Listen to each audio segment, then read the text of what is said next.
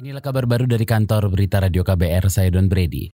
Anggota Komisi Komunikasi dan Informatika DPR Hidayat Nur Wahid mengkritik tindakan pemerintah memblokir akses internet di Papua dan Papua Barat. Politikus PKS ini mengatakan seharusnya pemerintah fokus melakukan penegakan hukum terhadap penyebar kabar bohong yang memicu kerusuhan. Menurut saya harusnya di era informasi yang terbuka semacam ini yang dilakukan bukan pemblokiran, yang dilakukan edukasi pada masyarakat agar masyarakat betul-betul hati-hati men-share maupun menyaring berita supaya tidak tidak terjadi masyarakat yang menjadi korban daripada hoax. Sebaliknya juga kuatkanlah sisi penegakan hukum siapa pun yang menyebarkan berita hoax yang kemudian berdampak kepada kerusuhan dan lain sebagainya, ia dihukum. Justru harusnya pemerintah itu semakin dewasa, semakin kokoh dan kuat, jangan uh, mempergunakan pendekatan represi dengan blokir-blokiran itu. Sebelumnya, Kementerian Kominfo mengumumkan pemblokiran sementara akses internet di Papua dan Papua Barat. Hal itu dilakukan untuk mempercepat pemulihan situasi keamanan di sana. Kominfo pada Senin lalu juga sempat melakukan pelambatan akses internet saat terjadi aksi massa di sejumlah wilayah seperti Manokwari dan Jayapura. Aksi massa ini merupakan bentuk protes atas perlakuan rasial yang dialami mahasiswa Papua di Surabaya dan Malang.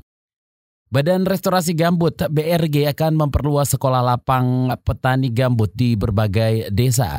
Sekolah ini merupakan program BRG untuk memperkenalkan teknologi pengolahan lahan tanpa membakar. Kelompok BRG Nasir Muhammad mengatakan, Nasir Fuad maksud kami mengatakan edukasi pada petani gambut perlu diperluas mengingat banyak kasus bakaran hutan dan lahan akibat ulah manusia. Saat ini program itu baru dijalankan di 70 desa di Sumatera dan Kalimantan. Dan kita senang sekali rekan-rekan dari Koramil, dari Polsa juga ikut. Jadi akhirnya rekan-rekan Babinsa kalau turun untuk mendekati Mas bisa menunjukkan ini loh, bapak-bapak petani kalau membuka lahan tanpa api caranya seperti ini. Kita inginnya jadi petani yang sudah ikut dari Polsa ikut nanti mereka kembali ke desanya ngajarin lagi. Kepala BRG Nazir Fuad yakin teknologi yang diperkenalkan dalam sekolah lapang bisa mencegah terjadinya karhutlah. Selama pelatihan, BRG memberikan jenis bakteri untuk membuat gambut cepat membusuk dan habis tanpa harus dibakar. Petani bisa mendapatkan bakteri itu di BRG, Kementerian Lingkungan dan Dinas Pertanian setempat. Rektor Universitas Indonesia Muhammad Anis menyatakan tak menolak rencana pemerintah mendatangkan rektor dari luar negeri.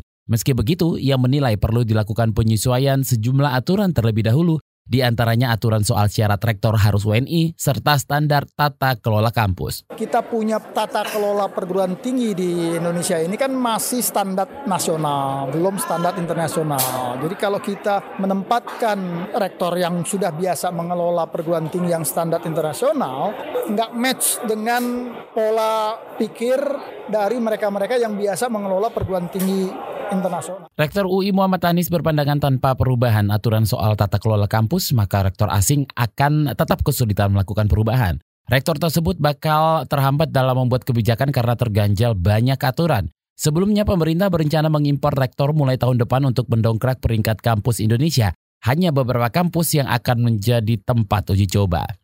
Saudara Bupati Banyuwangi Abdullah Aswar Anas berharap anggota DPRD terpilih bisa menghasilkan produk peraturan daerah yang berkualitas. Anas mengatakan kualitas perda harus diutamakan ketimbang soal kuantitas. Politikus PDI Perjuangan ini berharap bisa bersinergi dan berkolaborasi dengan DPRD untuk melakukan percepatan pembangunan. Produk-produk perda yang berkualitas berdasarkan skala prioritas. Yang berikutnya tentu tantangan bagi kami berat karena PNS kami berkurang dan ini perlu ada efisiensi dan oleh karena itu maka ini perlu sinergi ke depan. Dan harapan kami ke depan ritme kerjanya kita bisa kolaboratif. Kemarin 50 anggota DPRD Banyuwangi hasil pemilu 2019 resmi dilantik. Pejabat sementara Ketua DPR di Banyuwangi Imade Cahyana Negara mengklaim pencapaian kinerja Dewan periode sebelumnya cukup memuaskan. Dewan mengesahkan 76 perda dan menggelar 256 kali rapat paripurna. Ia berharap capaian ini mampu dilampaui anggota Dewan yang baru. Demikian kabar baru dari kantor Berita Radio KBR, saya Don Brady.